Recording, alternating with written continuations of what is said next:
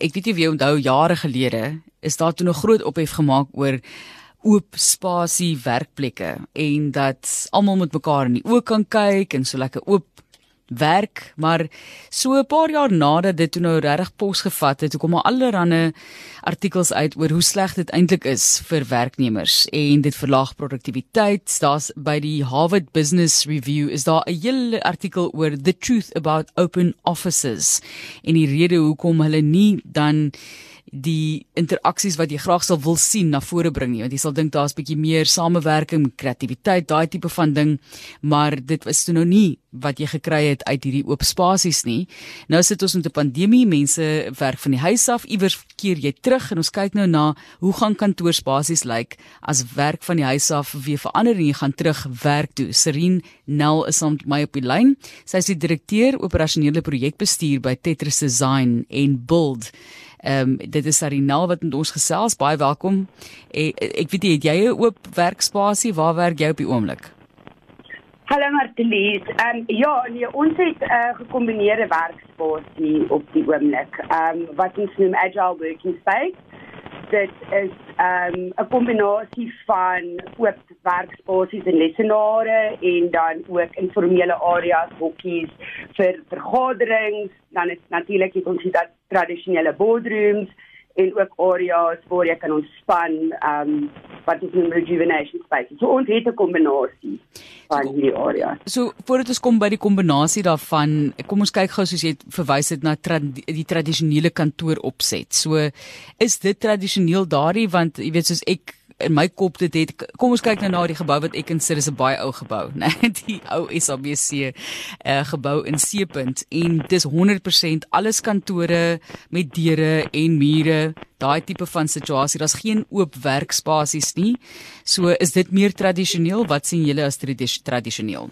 Ja, nee, definitief is tradisioneel meer kantore en sekreet uh boardrooms en daardie tipe van goed.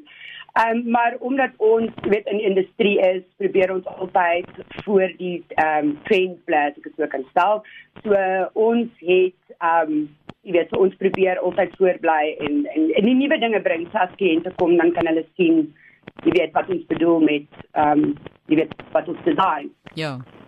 So kom ons gesels dan net gevinnig dan oor die feit dat julle sê die pandemie het dan nou daai geboue laat leeg staan en mens dink aan so baie mense uh, wat byvoorbeeld dit ook as hulle besigheid gehad het maar nou ja dit daar gelaat maar daar word geglo dat dit nie die einde is aan hierdie tradisionele kantoor opset soos wat ons dit nou ken hoekom sê julle so? Maar die lees um, ons het ons navorsing gesien dat kantore wel leeg staan maar dat mense wil terug aan kantoor toe en mense moet sommige mense moet ook Ons het behoeftes aan sosiale interaksie. Ons wil idees uitruil, saamwerk en die belangrikste van alles, ons wil leer aan mekaar. Dit is so baie maklik om geïsoleerd te voel by die huis. Dink as jy alleen by jou kantoortjie sit en jy voel die wêreld kom af op jou skouers en ons niemand om mee te praat nie. So mense het nodig om te voel dat hulle behoort en hulle is deel van 'n gemeenskap. Sê vir my wat jy dink, ja of nee vir oop spasies, hoe dink jy gaan dit ook verander? So, hoe moet bestaande kantoorruimtes nou ontwerp word vir die werksplek om daarvoor in die toekoms voorsiening te maak en daar word nou meer en meer weer klem gelê op die feit dat die die besighede wil mense op kantore hê. Hulle wil hulle daar hê alhoewel daar baie gepraat word oor die feit dat mense ook van die huis af baie goed werk, maar daar is maar net sekere mense wat voel hulle wil hulle personeel op kantoor hê. So wat moet hulle doen om dit reg te doen? Wel, ek dink uh, nommer 1 is die ontwerp van die kantoor moet aangepas word vir elke organisasie se behoeftes. Wat vir die een werk gaan nie noodwendig vir vir 'n ander werk nie en dit dit sien ons daagliks.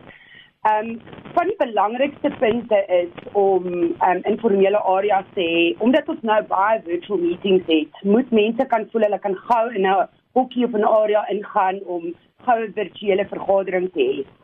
Ehm um, dit is ook belangrik dat ons weet dat nie elke persoon gaan elke dag op kantoor wees nie. So om vir elke persoon 'n lesenaar te gee is amper 'n ehm um, 'n mors van van van space.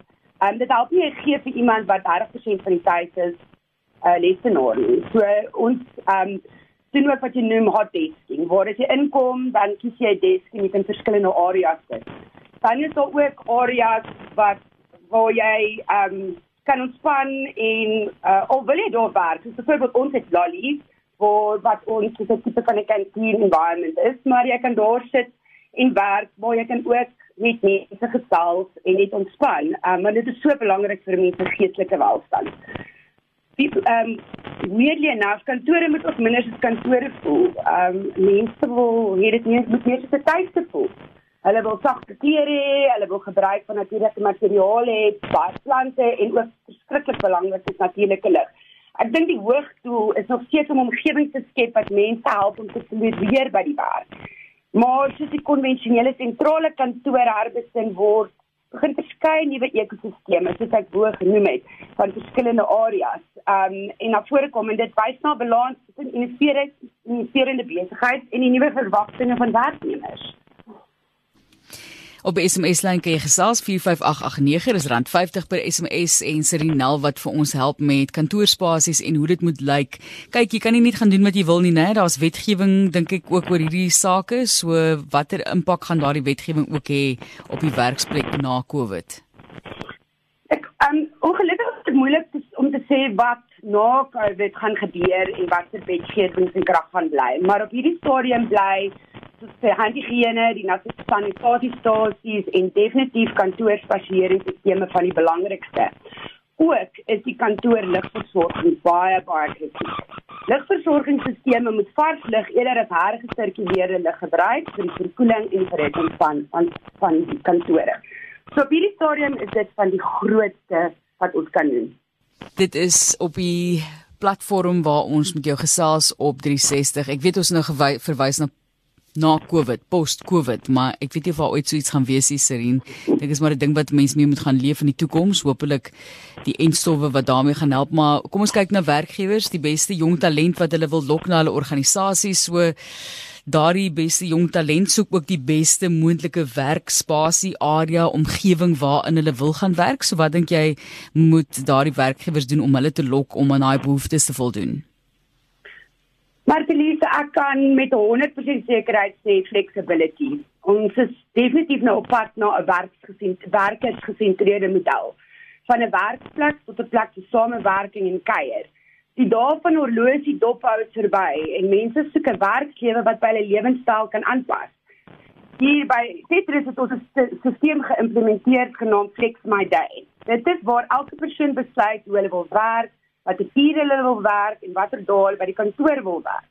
Jy sit die heeltyd ja, ek is nooit permanent by die werk nie en dit gee die mense kans om hulle werksdag in te kleer volgens hulle unieke behoeftes. Soos om hulle kinders op te laai, te gaan inkopies doen, te gaan oefen en net te werk wanneer hulle die mees produktiefste is. Dit is ook belangrik vir jong talent om by 'n amazing kantoor te werk. Hulle wil trots wees op hulle kantoor en jy moet vir hulle eintlik meer kan bied wat hulle by die huis het. Hulle wil opgewonde wees om kantoor toe te gaan. En dit sluit van die nuutste tegnologie in en seker die beste internet. Dit is belangrik vir hulle om 'n mooi spasie in 'n mooi spasie te wees waar hulle geïnspireerd voel om amazing werk te kan doen.